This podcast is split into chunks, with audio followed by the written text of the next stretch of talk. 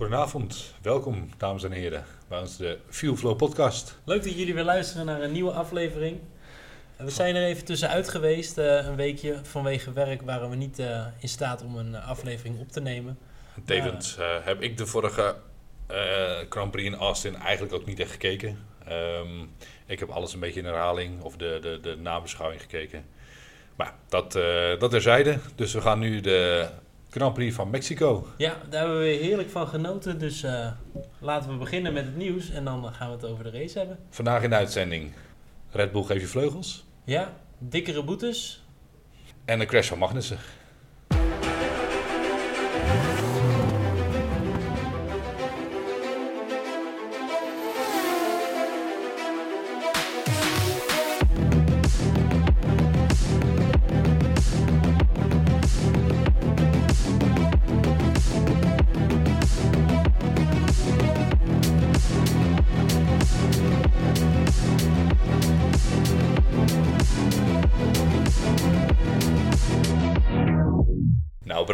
Los met het laatste nieuws.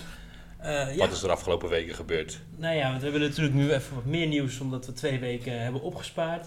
Via verhoogde maximale boete van uh, eh, 25.000, als ik het goed heb, naar 1 miljoen. Ja, de maximale boete. Dus dat wil niet zeggen dat ze dat gaan uitkeren. Uh, dat zeggen ze omdat alles wordt duurder. Dus dan moeten de boetes ook duurder.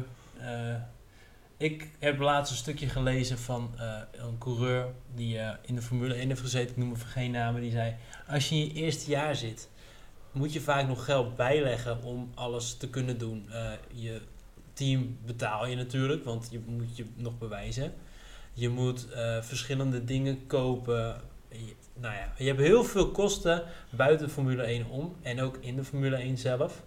En 15.000 euro is ook nog steeds veel geld. Ik begrijp me niet verkeerd. Maar sommige coureurs verdienen niet eens een miljoen in een jaar. Ik denk dat de VIA dit gedaan heeft vanwege het feit uh, dat Lewis Hamilton vorige keer een boete van 25.000 euro gekregen heeft. En dat is voor hem gewoon peanuts. Um, ik denk dat ze de, de boete verhogen tot 1 miljoen. Uh, maar dan wel voor de mensen die dat kunnen betalen. Ja, maar ga je dan krijgen van, oh, dus als je meer verdient, ben je meer kwijt? Ja. We hebben in het echte leven toch ook niet boetes ja, naar inkomen? Nee, dat, ja, in Nederland niet. In Finland doen ze dat wel. Um, Vind je terecht? Ja.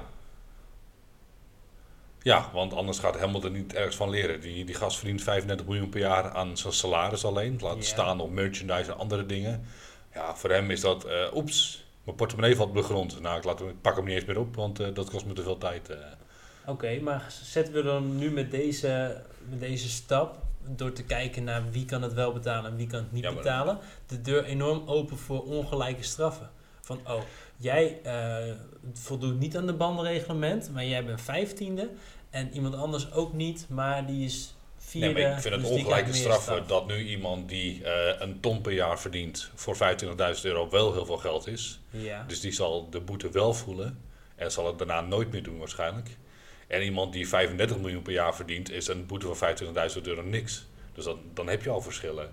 Een, een boete moet ervoor zijn dat je het merkt, zodat je het daarna niet meer doet. Ja. Maar wat vind je van wat, waar ik op doe? Gaan we dan niet meer ongelijkheid creëren in hoe de VIA dingen beoordeelt? Want dat is natuurlijk al best wel een onderwerp van gesprek. Nee, maar een band is een band. Ehm, ja, ja, ja, ja, ik ben het met je eens. Uh, maar ik snap ook wel dat ze dit gedaan hebben. Oké. Nou ja, dan denken we er. Uh, Kijk, ik bedoel, uh, eh, 25 banden in een, in, in, in een race weekend voor een auto. En uh, iemand anders die krijgt er dan 15, dat snap ik dat dat ongelijk is. Ja. Maar iemand die, nou ja, ongeveer 25 keer miljoen zoveel verdient als jij. En dezelfde boete opgelegd krijgt als jij, vind ik oneerlijk. Oké.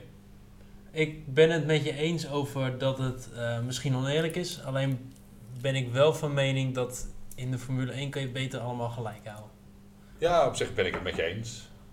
Maar kijk, ze zeggen de maximale boete wordt verhoogd tot 1 miljoen. Wat ik net al zei, is ook niet gegarandeerd dat die uitgekeerd gaat worden. Nee, dat is zeker waar. Of uitgereikt gaat worden. Nee. Ik denk dat ze daar best wel rekening mee houden. Als je nagaat, volgens mij de slechts betaald Formule 1 coureur krijgt 2,5 ton per jaar of zo. Ja, die zullen ze geen boete van een miljoen opleggen. Nee. Oké, nou ja. Dan gaan we lekker door naar het, eh, het volgende nieuwtje. Ik blijf bij mijn standpunt. Een boete moet je gewoon voelen in je salaris of worden, tot, zodat je het daarna niet meer doet. Ja. En als jij 2,5 ton per jaar verdient, dan is een boete van 10.000 euro is al heel veel geld en zou je het daarna ook niet meer doen. Nee. nee Dus. Misschien dat ze daar een beetje naar kijken. Is Ja. het ongelijk? Nee, want iedereen krijgt aan percentage dezelfde hoeveelheid boete dan. Ja, nee, dat is, eh, dat is ook weer zo. Nou ja, door naar het volgende nieuwtje. Het verzoek van Alpine om buiten de motorvries om toch eh, aan hun motor te werken is afgewezen. Eh, dat is omdat ze willen geen uitzonderingen maken. En ik heb ze niet, niet expres op volgorde gezet hoor. Maar eh, die, het verzoek is afgewezen. Dus eh, Alpine mag niet hun, eh, hun motor verbeteren. We weten natuurlijk dat het daar redelijk aan schort bij Alpine. De topsnelheid moet gewoon hoger.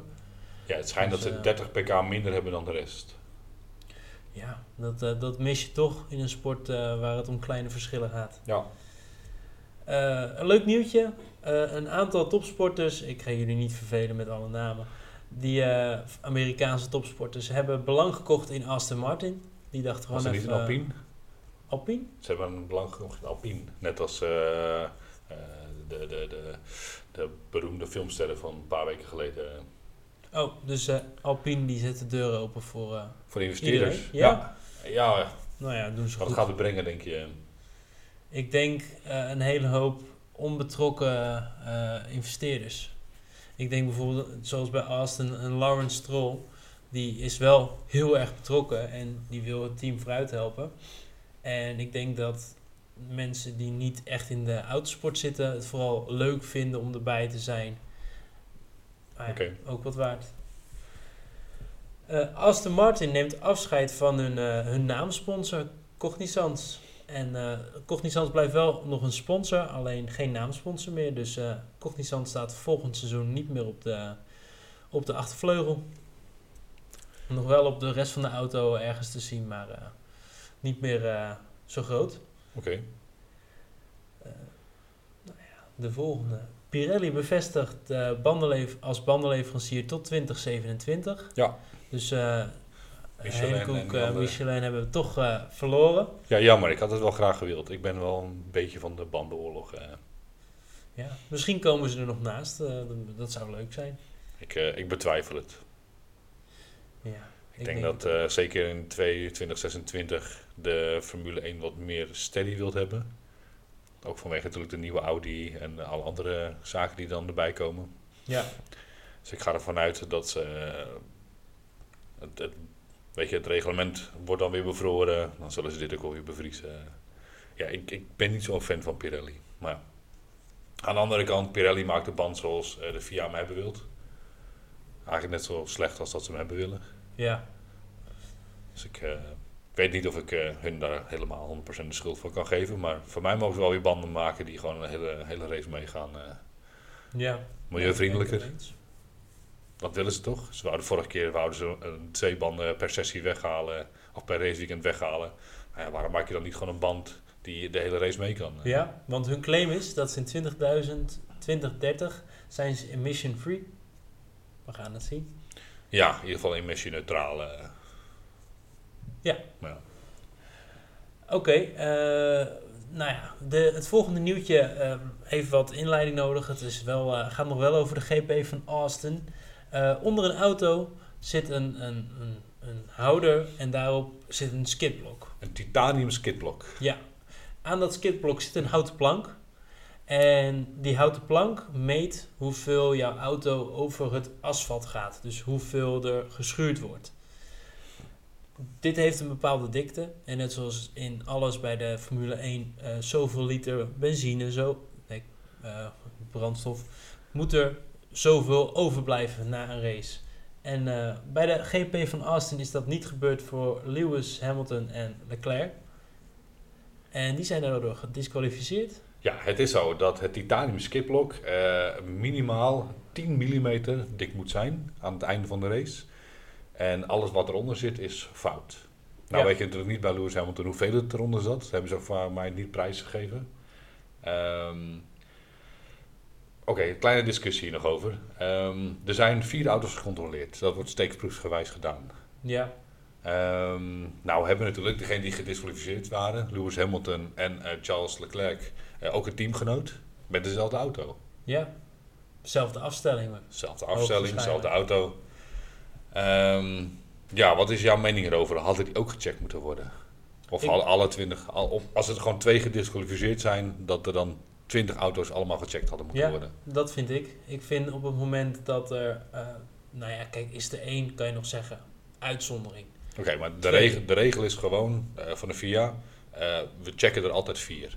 Ja, maar daar, daar wilde ik ook naartoe. Maar kijk, één is een uitzondering. Twee, dat, dat is toch wel dat je denkt van... Hé, hey, toevallig. Dan Ja. zou ik zeggen, controleer dan iedereen. Want de getesten waren Max Verstappen, Lando Norris, eh, Lewis Hamilton en Charles Leclerc. Ja, volgens mij luidt de regel zo dat de vier beste teams... wordt de best gekwalificeerde rijder van gecontroleerd. Oh, ik heb deze anders vernomen. Eh, het schijnt aan de hand van de porpoising. want ze hebben natuurlijk aan de hand van de porpoising hebben ze nu een nieuwe meetapparatuur in de auto gekregen. Hoeveel de auto nog bounced. En daar zit ook een limiet aan. Eh, aan de hand van die meter hebben ze de auto's uitgekozen. Oké, nee, dan hebben we twee verschillende dingen gehoord. Ik weet eerlijk gezegd niet welk van de twee... ik ook eh, niet. Ik heb hem eh, gehoord weer via via. Dus ik eh, kan geen bronvermelding hebben. Of, Nou ja, dan laten we de waarheid in het midden. Maar ik, in ieder geval, ik ben van mening... als het dan mis is gegaan of niet goed is... controleer dan iedereen. Ja, ik ben het de mening helemaal met je eens. Het enige nadeel daarvan is, het controleren daarvan duurt zo ontiegelijk lang, dat als ze alle 20 auto's hadden moeten controleren, dat ze er twee dagen mee bezig waren. En dat komt de uitslag van een Grand Prix ook niet ten goede. Nee, maar aan de andere kant... we zijn er tegenwoordig ook alweer gewend... dat de uitslag na een dag nog verandert. Ja, maar volgens mij is het zo ehm, dat er drie uur na de race niet meer aan de, de uitslag getort mag worden. Oh, is dat veranderd sinds kort? Ja, dat dacht ik, eh, maar correct me if I'm wrong. Maar ehm, dat ze daar een beetje aan naartoe willen gaan in ieder geval. eh. Daar eh, vind ik een goede zaak. Dus dan hadden ze nooit alle 20 kunnen controleren. Dus dan doen ze een steekproef met vier. Ja. En, eh, En dan nog, PSV ja, ja. Ehm, ik, ik denk dat het wel te wijten was niet aan een slechte. eh, of eigenlijk aan een slechte afstelling van de auto. Niet dat het doelbewust is gedaan. Want dat lees je natuurlijk op Twitter en op alle andere media. Dat ze een doelbewust de auto hebben naar beneden hebben gezet en het maar geprobeerd hebben. Nou, ik denk niet dat eh, een team als Mercedes of Lewis Hamilton dat soort dingen expres gaat doen. eh. Nee, dat... eh, Ik denk dat je daar zo ongelooflijk veel reputatie aan te verliezen hebt. ja, Als je erachter komt dat je expres eh, je auto te laag zet, of weet ik veel wat. Nou, lijkt me niet. ik kan het me ook niet voorstellen dat het expres is gedaan. Ik denk een ongelukkig noodlotgeval. eh. Oké, we gaan lekker door naar het volgende nieuwtje. Trouwens, kleine disclaimer. Mocht mijn stem een beetje kwijt zijn of raak linken, ik ben snipverkouden. Dus ik praat af en toe een beetje binnenmans. Eh, heel mooi. Red Bull en Redline gaan samenwerken in de wereld van het simracen. Dus eh, Red Bull gaat hun sim... Die zitten al in de simracing, maar eh, hun teams gaan nu samenwerken. Ja. Eh, de Nee, opstelling... maar ik bedoel, ze hebben toch een hele grote sim in Milton Keynes staan. zullen ze die gaan gebruiken voor simracing? Ik denk dat, dat de, de simracing en de normale racing, dat dat wel een beetje gescheiden blijft. Ja, maar ze hebben toch die grote sim-machines staan? Ja, de maar, de- sim. ja, maar gewoon, Sim-sim. gewoon voor, hoe heet het, voor eh, de Formule 1 bedoel je? Ja. Misschien gaan ze die gebruiken om online te simmen.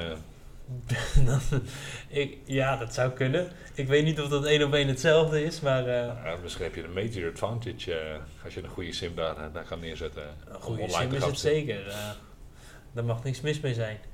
Nee, die gaan samenwerken. De opstelling en de coureurs die eh, voor beide teams racen blijft hetzelfde. Beide zijn natuurlijk eh, erg succesvol in de wereld van het simracen. Maar eh, nou ja, Redline gaat een beetje de sturing overnemen. En nou ja, we gaan zien wat we daarvan merken in het simracen. Ben jij een beetje simrace fan? Of? Nee. Nee, totaal niet. Nee. Ik moet eerlijk zeggen, ik ook niet. Maar, ik ben toevallig afgelopen zondag naar Monster Car Madness geweest. eh, in Assen. En daar stonden ook een paar sim-apparaten. en ja, ik, ik ben daar niet van. eh. Nee. Het neemt een beetje de echtheid weg. En eh, ja, ik zet mij liever in de kart neer. Dat vind ik veel leuker om te doen. ja, moeten we dat nog maar een keer doen. Ja, toch? We gaan door. Dit is een beetje een, een, een, een nieuwtje waarvan je kan zeggen, ja, is het echt zo? Maar het hield de gemoederen bezig, dus we gooien hem er toch even in. Ook dit gaat natuurlijk helemaal los op Twitter en op, eh, op Instagram. Absoluut. De Ferrari-fans op vuist met de Perez-fans tijdens de Grand Prix van Mexico. Ja, Eh, ik heb het vi- de video ervan gezien. Eh, het was niet alsof de hele tribune tegen een andere tribune op de vuist ging. nee, het is Daar, niet eh, FC Ajax tegen, tegen Feyenoord en dat er, eh, dat er twee tribunes eh, met elkaar eh, de Nee. vuist op gaan. eh. Ik denk dat het in totaal een viertal mensen was die eh, eh, nou ja, gewelddadig werden. En dat was eh, naar aanleiding van de, de crash van eh, Leclerc en Perez. Ja, mocht u trouwens geïnteresseerd zijn in het filmpje, ik zal hem eh, binnenkort plaatsen op onze Instagram of op onze TikTok-pagina. F1 Fuelflow eh, of Formule 1 Fuelflow.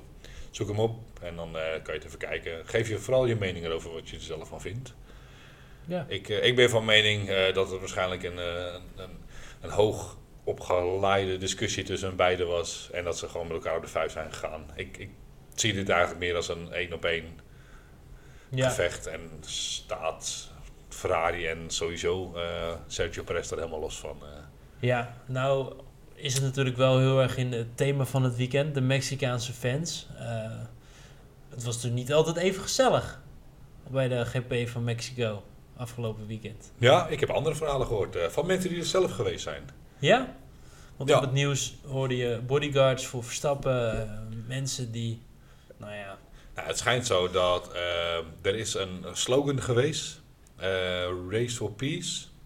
Of, nou, ik weet de slogan maar even niet. Ik zal hem later opzoeken en ook even op Instagram zetten. En op onze TikTok. Ehm, dat je vanaf op het moment dat je het vliegtuig al afstapte, dat je de slogan al zag. ja, En ehm, een paar andere mensen die eh, daar geweest zijn eh, om ook voor een podcast en voor hun eigen nieuws daar bezig te zijn geweest. Eh, begon op de vrijdag, wilden ze wat Nederlanders zoeken om te gaan interviewen. En toen had bijna niemand een oranje, oranje shirtje aan. Maar eh, de zaterdag en de zondag eh, was iedereen gewoon weer in het oranje. Want het bleek dus helemaal niet waar te zijn. En eigenlijk helemaal geen Max Verstappen haat. Integendeel zelfs. Want, eh, er was, ik denk nog wel meer liefde voor Max Verstappen dan waar dan ook. Behalve dan in Nederland. oké. Nou ja, zo kunnen verhalen dus eh, opgeblazen worden en eh Ja, media, hè? daar doen we zelf ook aan mee, want we hebben natuurlijk zelf ook onze eigen mening klaarstaan. Maar ik denk dat media dit meer opgehyped heeft dan dat het daadwerkelijk was. We hebben natuurlijk vorige week nog wel even met z'n tweetjes te praten. En ik ben wel van mening dat ehm, dit meer clickbait veroorzaakt heeft. En daardoor misschien de media daar wat harder op inspringt. eh. Het is natuurlijk ook wel een sap- sapzoekig verhaaltje. Ja, nee, dat is ook zo. Net zoals dat bij eh, de Grand Prix van eh, de Nederlanden van eh, Zandvoort was er ineens heel veel vrouwenvriendelijk gedrag. Was dat. Oostenrijk? Was dat Oostenrijk? Volgens mij was dat ook in Nederland. Ja, nou, bij Oostenrijk zijn de mannen weg van huis en dan komen ze een vrouw tegen en dan zijn ze een beetje dronken en dan gaan ze gekke dingen doen. Ja, kijk, we horen de verhalen en als er, wanneer er iets gebeurt, is dat echt niet goed. Maar ja, je weet het niet wat er gebeurd is, want je bent er niet bij geweest. Nee, ik vond het eigenlijk wel meevallen. Ik heb denk ik op zich, eh, ik heb eh, zitten luisteren, geen boegeroep gehoord. Nee. Ehm voor mij toen Max zei eh, dat, hij, dat hij daar gewonnen had en dat hij de Mexicaanse fans echt heel leuk vond. veel gejuich tussendoor. er werd wel Checo tussendoor geroept, geroepen. Zo. Maar Ja. Ze wilden de hele race checken roepen, maar dat ging helaas niet. Ja, kleine spoiler, die lag er in bocht 1 al uit. eh. Ja, laten we het er even tussendoor over hebben voordat we verder gaan met het nieuws. ja. Eh, wat vond je ervan? Verstappen goed weg, Verstappen had goed wereldstart. weg, Sainz goed weg en Perez was nog beter weg eigenlijk, hè? Ja, en nou, ik denk dat Max uiteindelijk de beste start had. Maar die kon geen slips inpakken. Maar die heeft wel echt voor de eerste bocht al twee mensen ingehaald. Ja. Perez daar eh, 100% achteraan voor 99% eh, de, de, de twee na beste start had. Alleen, ja, helaas met z'n drie door die bocht kan niet. eh.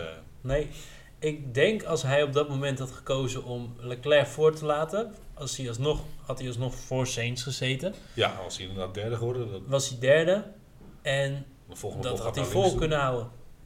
Dat, eh, dat is te doen. Ja, Ja, maar ik ben het wel met de mensen eens. eh, zoals Helmoet Marco en Arton Senna ooit zei. Eh, als er een gaatje is, moet je ervoor gaan. Go for the gap, Ja, net als Russell. go for the gap. Yes. Nee, natuurlijk moet hij ervoor gaan. Maar eh, hoe vaak hebben we dit in de jonge jaren niet bij andere coureurs gezien? Die dan denken van, ken. Ja, maar je, je zit voor je thuispubliek. Je wilt winnen. eh, je bent echt helemaal, helemaal overhyped. Ja, Jo, Maar als het een iemand anders zou zijn gebeurd, als het een Lewis Hamilton, als het een Verstappen zou zijn gebeurd, hadden we gezegd, ja, stomme keus. Nou ja, in dit geval ook. maar wat nou als het hem gelukt was? Dan was het werelds. Maar ja, dat is het verschil tussen een stomme actie en een goede en een geweldige actie. Zeker. Nou is ja, of het lukt. ja, dat is waar. Ik, ik, had- ik vond het een wereldactie gevonden als hij wel gelukt was. eh. Ja, absoluut. En dan was het hele, hele tribune was losgegaan.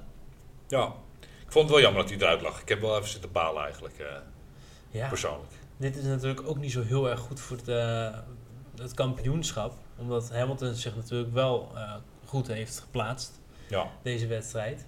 nou ja, als Hamilton de vorige keer niet gedisqualificeerd was en eh, met deze puntentelling erbij, dan eh, had het nog maar twee punten geschild.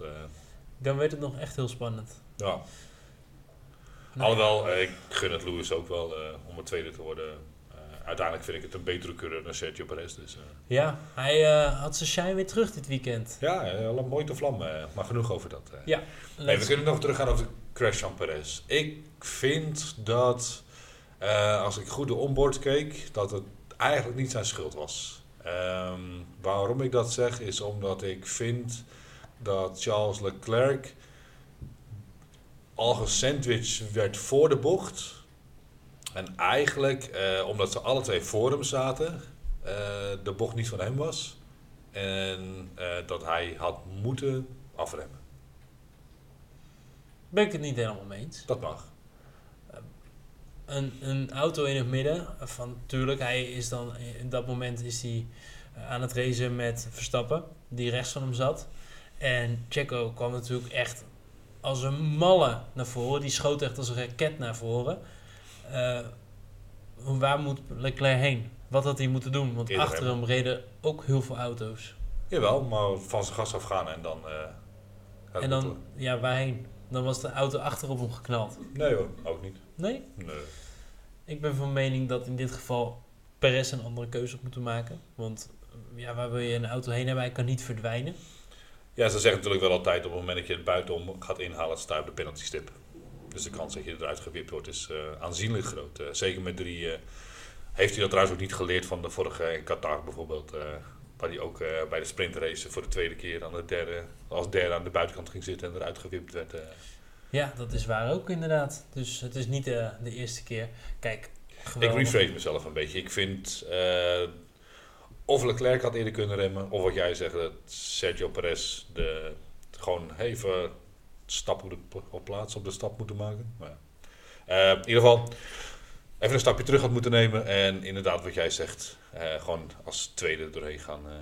Ja, dan had hij derde, misschien vierde gelegen. ja. Maar had hij nog, nog wat kunnen doen. Nog Ik denk inderdaad wat jij zegt derde, want voor mij de volgende bocht gaat naar links en dan kan je Saints eruit drukken. En dan Ja, blijft hij wel achter je zitten. En dan nog, je rijdt in de Red Bull. Zag je niet hoe snel Max Verstappen op zijn nieuwe banden eh, op het snelle, op het rechte stuk iedereen aan in te halen was. Ja. Eh, Mooie actie. Hij eh, ging natuurlijk naar binnen. Hij lag daarna vijfde. En hij maakte gewoon de tijd goed om weer helemaal naar voren te rijden. En uiteindelijk gewoon de pitstop van Leclerc in zijn voordeel te krijgen. ja. Nou, geweldig. Nee, maar ik zat andere mensen te kijken die ook in het DRS zaten, ook op het rechte stuk. Dan wel wat oudere banden natuurlijk, maar dan probeer je iemand in te halen. Maar die Red Bull die vliegt gewoon daar dan. Ja. En iedereen had ook gewoon zoiets van... oh ja, Succes, eh, rijden blaas race. er al voorbij. Ja. Maar genoeg over de race. We maken nog even de nieuwtjes af en dan gaan we lekker, eh, gaan we lekker verder. En het volgende nieuws nieuwtje gaat over de race. Oh, Eh, ja. Crash van Magnussen. Dat was natuurlijk best een bijzonder moment. ja, Want ineens lag hij 35. eh. in de kreupels en eh, zonder echt een verklaarbaar goede reden van Ja, ik zat die, die, die ehm, herhaling te kijken. Maar volgens mij zag ik het linker achterwiel in één keer. Ja, die eh, schoot het naar buiten. Ja. En eh, nou wordt er gezegd dat de reden van die crash dus oververhitte remmen zijn.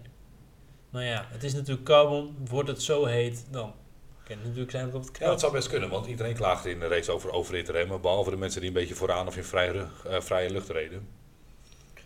Ja, dat was inderdaad wel eh, de mensen die eh, even een gaatje hadden van 7 seconden. Die Ja. eh, dachten wel meteen, dit is een stuk beter. Maar ik hoorde bij meer, meer onboard dat ze hun remmen moesten koelen of niet zo dicht achter de voorligger moesten rijden. Ja, Ja, Williams kon- had er ook erg veel last van, volgens Ja. mij. Ja, dat zou zomaar kunnen. Het schiet me even niet binnen wie dat allemaal waren. Maar eh, nee, dat komt natuurlijk omdat eh, ehm, Mexico, het circuit van Mexico, Mexico ligt op 2,5 kilometer hoogte. Waardoor de luchtintensiteit natuurlijk wat dunner is. En daardoor krijgen de, ja, alles wat luchtgekoeld moet worden, eh, wordt een stuk minder. Ja, Daardoor speelt daar bandenslijtage ook een stuk minder vanwege de, de slechtere downforce die ze hebben. Ehm, eh, de turbo's. Omdat ook minder allemaal- in de lucht. ja. Genoeg over dat. Kunnen we wel een keertje over ingaan. Dat is misschien wel leuk eh, om een keer over eh, technische specificaties in te gaan in, eh, in de winterstop. Ja, leuk idee. ja, toch? Nou ja, het volgende nieuwtje zal ik die maar doen dan. Ja. Er gaat een gerucht er rond in dat als Perez zijn stoeltje bij Red Bull kwijtraakt, volgend jaar of in 2025, dat Sauber slash Audi hem graag wil overnemen. Althans, dat heeft eh, de baas van Sauber, eh, of de teambaas van Sauber, heeft dat eh, laten vallen. Nou ja, dat is in ieder geval positief. Om dan even in die geruchtenmolen te blijven, wie zou dan de vervanger moeten worden van Perez? Ja, daar ga ik me niet meer aan wagen.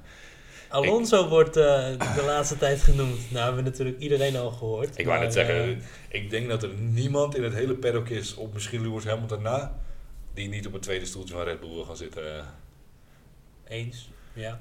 En dan zou Lewis Hamilton wel willen, dan wil eh, Red Bull Lewis Hamilton niet. Maar Want dan heb je twee ha- haantjes. eh, nee, eh, Christian Horner heeft ooit gezegd, daar alle slechte dingen die Lewis Hamilton over Red Bull gezegd heeft, dat ze hem nooit meer willen hebben, nooit zouden willen hebben. Oké. Gewoon, maar aan de andere kant, Lewis Hamilton, waarom zou je er ook heen willen? Je hebt er al zeven gewonnen, kom op zich. Gun iemand anders ook eens wat. Max Verstappen, jij ook. Je hebt er nu drie gewonnen, volgend jaar weer iemand anders. Dat eh, lijkt me een hele goeie. Dan gaan we nog even het laatste nieuwtje doen en dan eh, gaan we het lekker over de race hebben. Via Play in nog zwaarder weer. Ja, de geruchten gaan dat volgend jaar Ziggo de rechten weer terug heeft. eh. Ja, dit, dit gerucht werd steeds nou ja, luider na de wanhoopspoging die Viaplay zou hebben gedaan om toch nog de uitzendrechten dit seizoen al te slijten aan Ziggo. Maar ze wilden daar nog de hoofdprijs voor hebben. Daarom eh, heeft Ziggo gezegd van, we wachten nog wel even. Ja, wacht met jullie helemaal fiets zijn. Dan kopen we het voor een habbekrats, gaan we het opkopen. Ja, nou ja, gelijk hebben ze, weet je. Ja, ik eh, ben eigenlijk ook wel blij dat naar Ziggo gaat. Ik, eh, niet omdat ik het gewenning vond, maar ik weet niet, ze waren er toch beter in. Ik vind de, de, de, de voorpraat en de napraat van Viaplay meer. Ja, precies. En wat ik ook het leuke vond aan Ziggo, wat ik nu af en toe op eh, F1 TV wel mis, is je hebt dan het commentaar erbij. De Nederlandse en de Engelse ze doen het allebei. En dan hoor je ze het hebben over dingen die jij niet ziet. Ja, Dus dan hebben ze het over, kijk deze mooie actie. En dan zie jij een Mexicaanse fans. ja. Dan denk ik van ja, dat is gewoon jammer. En bij Ziggo ging dat lekker soepel. Je miste niks. Er waren wat extra's waardoor het nog leuker werd. En als we Jack Ploy nou inruilen voor Al- Allard Kalf. Allard Kalf. Maar ik vind Albert Kalf niet vervelend. Als ik Nee. ben. Nee. Nee, ik vind hem wel met, met juiste feitjes komen. hij heeft het nog wel eens over de, de, de minimale tijd die je in een, eh, in een eh, eh, Q1 of Q2 of Q3 moet rijden om niet weg te vallen. En daar zit hij eigenlijk altijd wel redelijk op spot on. Maar Jack Ploy mag voor mij wel wegblijven. Ja. Maar Allard Kalf en Olaf Mol kunnen niet door dezelfde deur heen, dus dat zal niet gebeuren.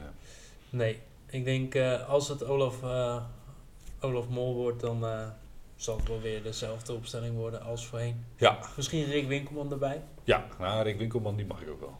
Die doet het ook wel leuk inderdaad. Nou ja, dat waren eigenlijk de Of een, een, een, een nieuwe, nieuwe frisse wind. Rick Winkelman en Al- Allard Kalf. Nou, dat is allemaal niet fris, maar Wel een frisse combinatie. als technical... Ja, hoe noem je dat? Reporter. Ja, technical reporters. eh, Kijk, ik vind Olaf Mol vind ik gewoon eigenlijk, ik heb hem stiekem wel een beetje gemist. eh. Ja. En de Olaf Mol statistieken, die eh zijn Ja. ook ver te zoeken. Ik heb zijn foutjes niet gemist, maar zijn commentaar en het af en toe. het, Hij is zo bloedenthousiast, dat Ja. is zo leuk. Ja. En we gaan het horen. Als, als het weer naar Ziggo gaat, denk ik wel dat ik weer een abonnement neem bij hun. ik, ik twijfel nog even. Ik zit bij KPN op dit moment om geen reclame te maken. We willen best gesponsord worden trouwens. Ja, Door absoluut. KPN, Ziggo, Viaplay, Maakt niet uit. F1 TV. Ja. I don't care.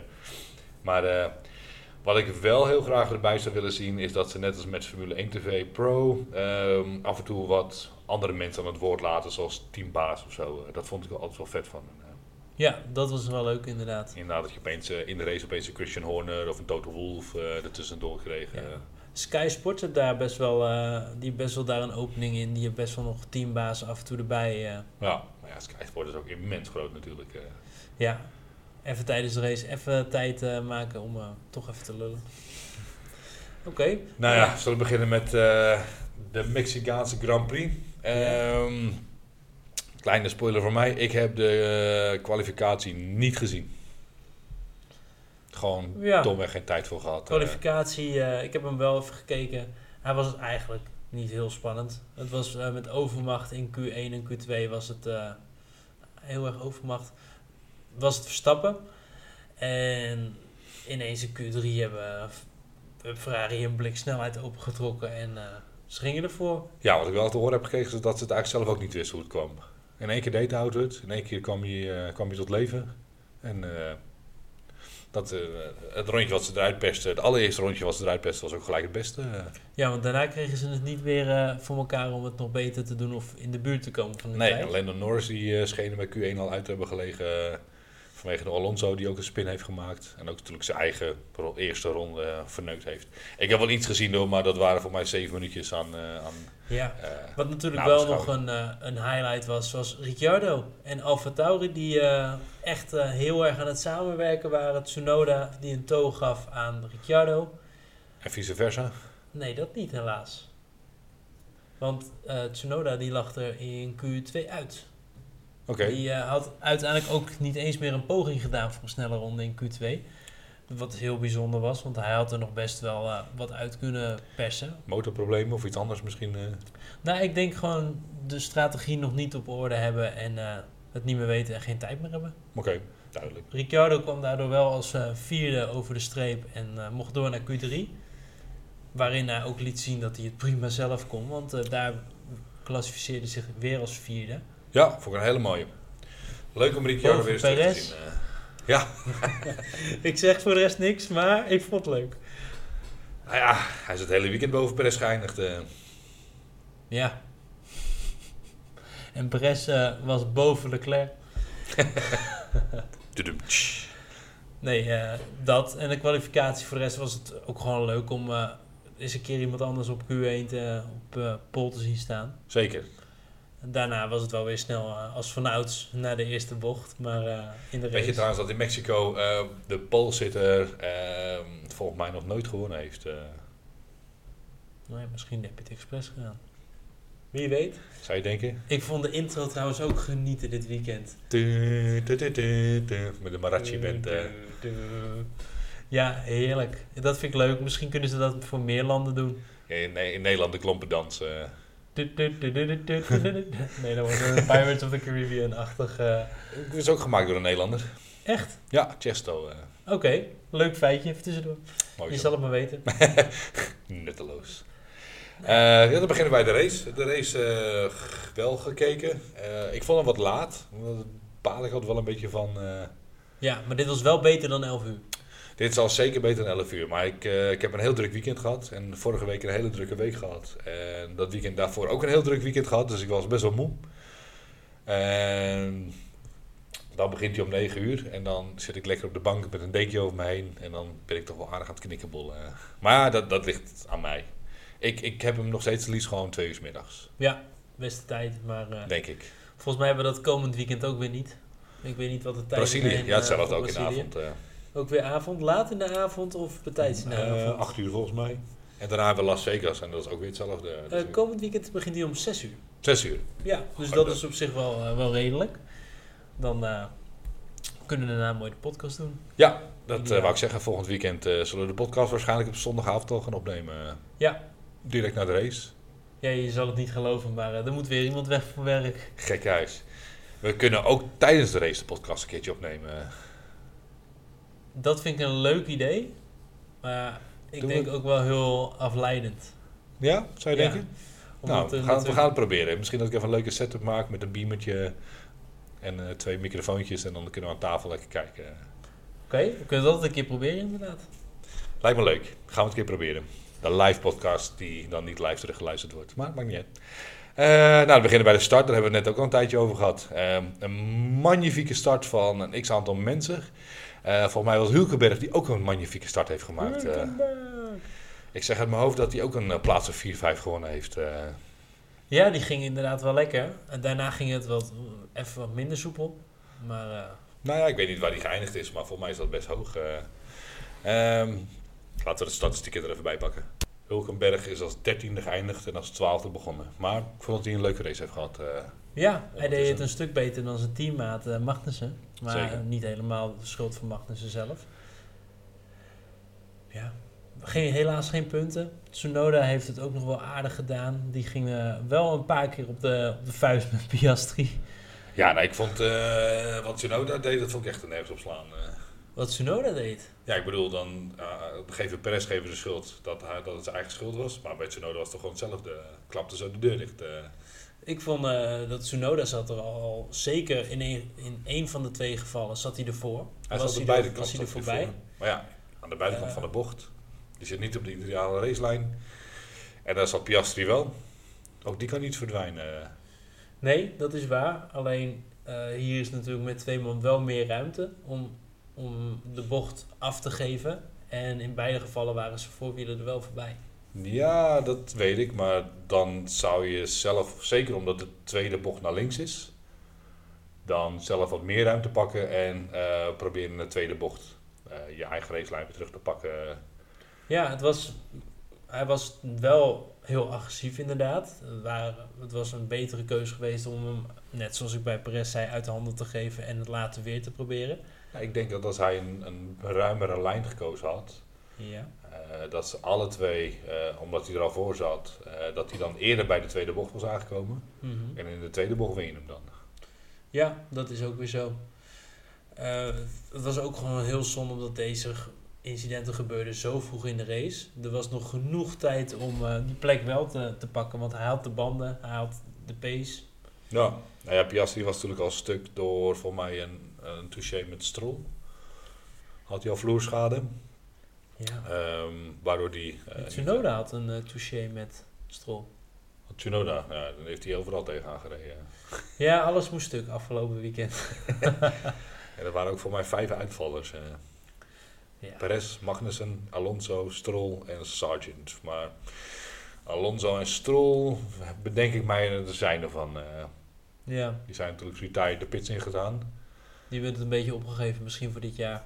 Ja, eh, Stroll had natuurlijk een aanvaring met Bottas, waardoor hij een lekker band kreeg. Ja. En toen hebben ze gezegd, kom maar de pits in en retire de car. eh. Ja. Ik denk dat ze de, de, de buis zagen hangen en dat ze, ze hadden, we willen geen laatste worden op tv, dus dan trekken we iedereen naar binnen. Ja, ik denk ook wat, ik, wat ik las was dat ze dit seizoen nergens meer voor vechten. Ze hebben het eigenlijk gewoon een beetje opgegeven. Ja, Ze zien het dit seizoen niet meer gebeuren. Ja dat is ook een beetje makkelijk gezegd. Dit seizoen heeft nog maar twee races. eh. Ja, maar alsnog, eh, ik had het afgemaakt. Dat is natuurlijk wel Je ziet natuurlijk wel een heel mooi statistiekje met eh, de Aston Martin en de McLaren. Dat de McLaren heel slecht begon en na, wat is het, Silverstone, Ja, in één keer met de gestaag lijn omhoog gingen. En ehm, volgens mij dat Aston Martin, elke update die ze meenemen, dat ze eigenlijk meer naar beneden gaan. Ja, dat gaat inderdaad niet heel, eh, heel erg lekker. Alhoewel zij zeggen dat de laatste update die ze meegekregen heeft, drie tiende sneller zou zijn geweest. eh. Waar? Nou, dat zag je in Austin, zag je het wel. Voor mij had Alonso de oude en Stroll de nieuwe. En Stroll was tien, drie tiende sneller. eh. Ja, maar daarna weten ze toch, misschien is dan als er een uitzondering geweest, weten ze toch die auto niet in de juiste window te krijgen om er toch iets mee te doen. Ja, nou ja, kijk, Mexico is natuurlijk altijd wel een one-off. Ehm, dat zag je vroeger ook al bij de Mercedes. Eh, toen de Mercedes een topauto had, eh, dat ze in Mexico nooit konden winnen. Maar ja, Nou ja. en dat is natuurlijk nu met de, de Red Bull voor Singapore. Nou ja. Dus eh, ik hoop dat ze voor de rest van de races dan nog wel een goede auto hebben. Ja.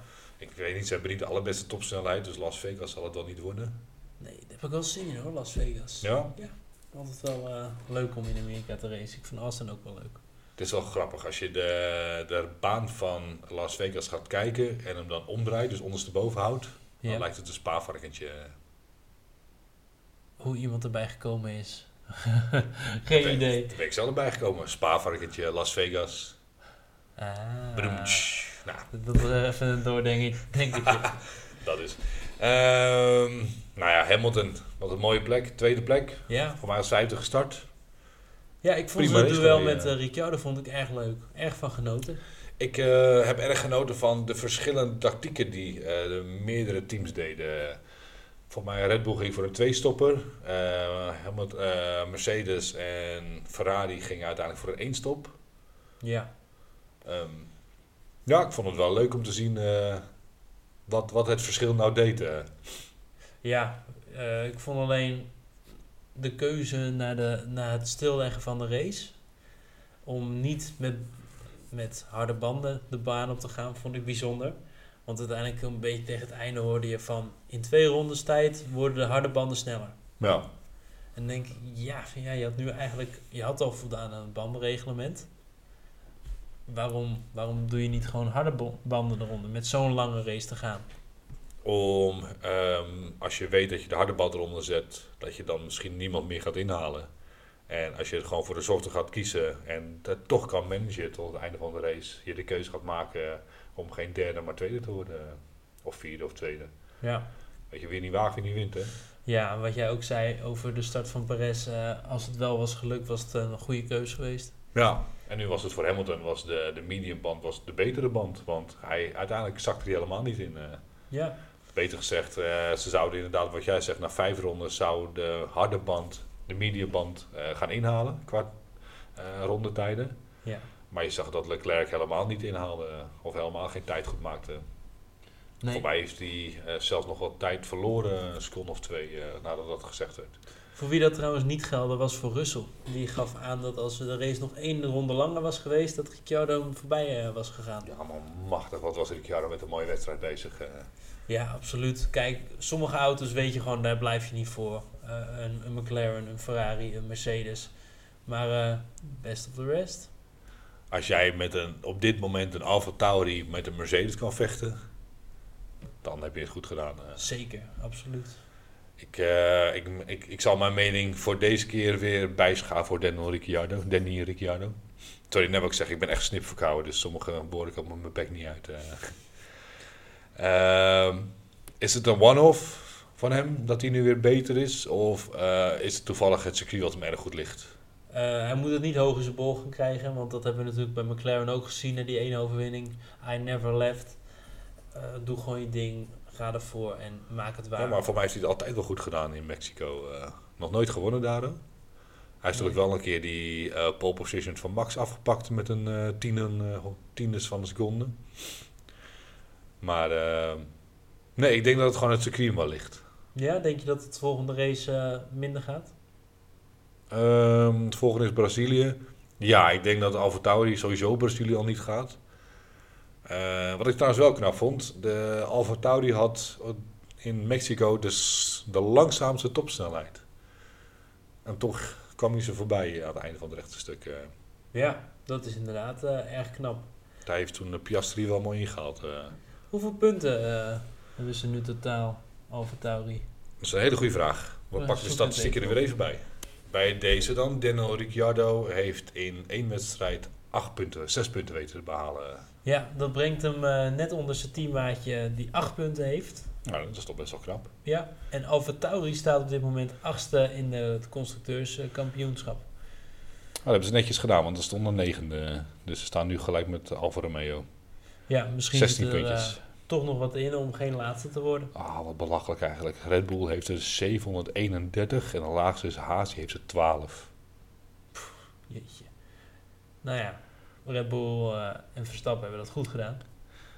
Ja, daar tegen Mercedes heeft hij nu 341. eh 71. Dus dat zou betekenen eh, ehm, dat als Max Verstappen deze wedstrijden nog, nou easy, 491 punten. Hij heeft alleen meer punten dan heel Mercedes bij elkaar. Almachtig. Nou, voor mij heeft hij meer punten dan heel Mercedes. En Alpine, Williams, Alfa Tauri, Alfa Romeo en Haas bij elkaar. Gezonde, gezonde voorraad punten. Blijkbaar, voor mij heeft hij nu op dit moment de meeste racepunten in het seizoen te pakken. Ja, en hij heeft weer een record, hè? Twee dus. Twee. Hij heeft er nu, wat is het? Eh, 16 win. 16 op rij. En- Nee, niet 16 op rij, 16 winst in één seizoen. eh. Ja, en ze gaan ervan uit, want ik, volgens mij zei Hamilton dat zelfs, dat hij, dat hij niet uitsluit dat het er 18 worden dit jaar. Nee, en als hij nog eentje wint, dan heeft hij een, eh, wat mij betreft een wel all-time favorite record gehaald. Dan is het het meeste winpercentage in een heel seizoen. Kijk, de hoeveelheid eh, gewonnen races, ja, dat wordt natuurlijk makkelijker als je er 24 rijdt in plaats van 16. Ja, Maar het percentage winnen, dat eh, verandert natuurlijk gewoon mee. Ja. De verhoudingen blijven hetzelfde. voor mij staat hij nu op eh, een, een record uit 1951, 55. Na mee van Schoten op 82% van de races gewonnen. En voor mij, als hij nog één race gaat winnen, eh correct me if I'm wrong, maar dan wordt het voor mij 83 of 84 procent van alle races die hij gewonnen heeft. eh. Nou ja, netjes. Ik denk Dus- eh, dat dat wel goed gaat komen. dat is wel belachelijk, joh. Ja. Zeg, we zijn toch met een ultiem seizoen aan het kijken voor een, met een Nederlander. Wie had dat ooit gedacht? Ik niet, als ik eerlijk ben. Nee. Nee. Nou ja, voor de rest eh, moet ik heel eerlijk zeggen dat ik niet heel erg opvallende momenten meer eh, heb. Naast wat we al ik heb, wat ik al besproken Het hebben. grootste moment van de hele race, Hulkenberg. Magnussen, K-Mag. Ja. Die een behoorlijke klapper maakte. Ja, zag hem daarna nog op de boarding zitten, dat hij met zijn handjes aan het wapperen was. ja hij mocht het ook niet meteen weg uit het medical center, Nee. eh, hoorde ik later. Nee, er, zijn maar, ja, er, is- er is nog wel één ding dat mij opgevallen is. En, ehm, Landon Norris, die van een vijftiende plek naar een vijfde plek toe teruggereden is. eh. Ja, Lando Norris was ook, eh, had ook zijn tanden er goed in gezet. Die was links en rechts overal aan het inhalen. Ik bedoel, bij de herstart naar eh, dat eh, ik vond het trouwens vreemd, mijn mening. eh, waarom niet een rollende start was. eh. Ja, ik, ik, ik snap soms de, de keuzes van de FIA niet helemaal. Volgens mij moet er trouwens een staande start zijn als het niet regent. Voor mij doen ze alleen een rollende start als het regent eh, naar, een, eh, naar een rode vlag. Daar niet van.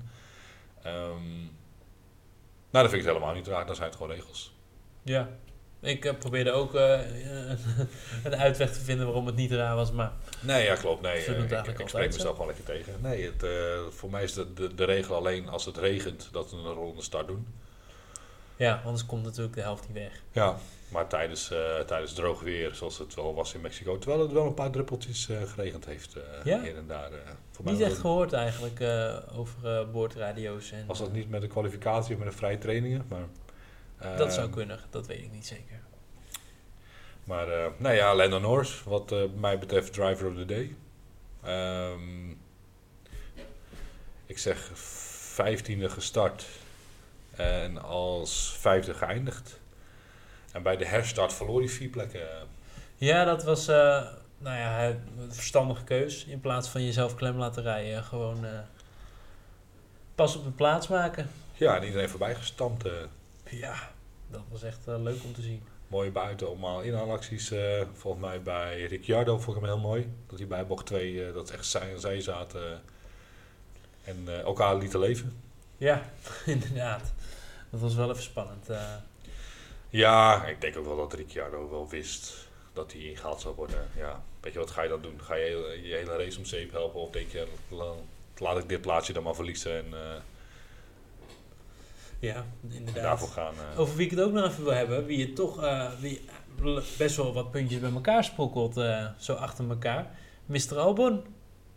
Heeft hij er weer wat? Ja, hij was, wat ik, als ik het goed heb, achtste. En, oh nee, hij was negende. Ja. En hij zit nu op 27 punten. Dus eigenlijk best of the rest. Na alle toppers komt Albon. Ik vind het leuk. Alle toppers, ja, nee, sorry, maar ik zie Aston Martin niet meer als een topper. Dat is voor mij nu weer echt geclassificeerd naar eh, midden tot achterteam. eh. Ja, ja, misschien de achterhoede van de toppers, maar ze doen het toch nog vaak wel beter dan eh, een, een Alfa Romeo en een, nou ja, Ja, Haas. ik vind het knap dat de- Williams toch wel weer wat doet. of dat je het wil hebben over het plekje naast Verstappen. Ja, ik, eh, Liam Lawson, ik Albon, ben Norris. wel van mening dat ze er niemand meer neer moeten zetten die er al gezeten heeft. Nee, Want eh, weet je, dat is, als het dan weer niet gaat, dan sta je echt voor paal. Dan, dat is gewoon stom. Dus Ja. dat gewoon niet doen. Of je zet er Daniel neer en dat Daniel al, al op een race 1 zegt: Ik weet dat ik tweede rijder ben. Ik ga er het beste van maken. Als ik wat win, dan is het mooi meegenomen. Ja, En ik eh, ga me de rest van mijn Formule 1 carrière ga ik gewoon lekker bij Red Bull uitrijden. Totdat ik eh, over 4, 5 jaar niet meer kan. En dan eh, stop ik ermee. ja. Nou ja, we gaan, eh, we gaan zien hoe dat zich ontvouwt. Dan zou hij misschien nog een kans maken. Dan krijgen ze een beetje zo'n Bottas verhaal. Dat iedereen weet dat hij tweede rijder is. Hij weet het zelf ook wel. Ja. Hier en daar is van een lekker overwinningje pakken. Maar als hij echt, echt ervoor wil gaan om de eerste rijder te worden en de beste, nou ja, dat, dat gaat gewoon niet meer werken. Niemand gaat bij Red Bull de eerste rijder worden. Niemand. Niemand anders. Ja, check. Niemand anders gaat bij Red Bull de eerste rijder worden. Even bedoel- moeilijk doen. Dankjewel. Ik eh, heb over deze race ook niet zo heel veel meer te zeggen, denk ik. Eh. Ondanks dat ik het een gematigd leuke race vond. Eh, wat ik zeg, ik vond het leuk om de verschillende strategieën een beetje door te kijken. Ja. We hebben natuurlijk een, een heftige crash gehad die gelukkig goed was afgelopen. Eh, een leuke start eh, is een keertje. En niet omdat Max als eerste was, maar ehm, ja, ik vond het wel verrassend. eh. Eh, en, en, en, en- ja, en helaas een tegenvallende Ferrari. Ja, maar ze En doen een- het eh, voor een derde plek in de constructeurs. doen ze toch best goed. Ja. Consistent puntjes binnenhalen. En wat ik heel leuk vond is dat er, ja, er werden goede inhaalacties gedaan, zo her en der. Ja, precies. Dingen waar ik van genoten heb. En een leuke boordradio van Ocon. Vertel. dat hij zei, tel de Haas-team eh that I am... Nou, ik zal hem in het Nederlands zeggen. Vertel aan het Haas-team dat ik ze eh, nu wel lang achter genoeg gezeten heb. Waarschuw ze alvast maar even dat ik ze zo meteen ga inhalen en dan doet hij het niet. eh. Oh, Ook die zal ik kijken of ik hem op de Instagram kan zetten. Nou leuk. Hilarisch. Iets om naar uit te kijken. Ja, toch? Ik denk dat we hem dadelijk ermee gaan afsluiten. Jullie horen ons eh, komende zondag eh, weer over de Grand Prix van Brazilië. Ik heb er zin in. Zeker. Eh, nog een andere kleine side note. De- we hebben nog twee races te gaan. Dat is natuurlijk die van Brazilië en die van Las Vegas. Maar bij die van Las Vegas zijn we op vakantie.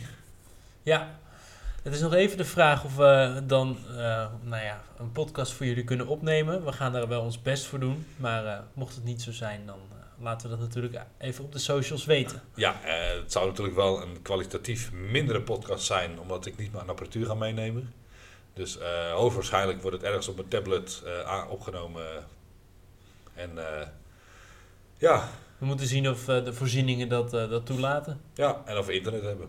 Ja, precies. Maar dat zal wel loslopen. Heren, dames, Bedankt voor het luisteren en tot de volgende.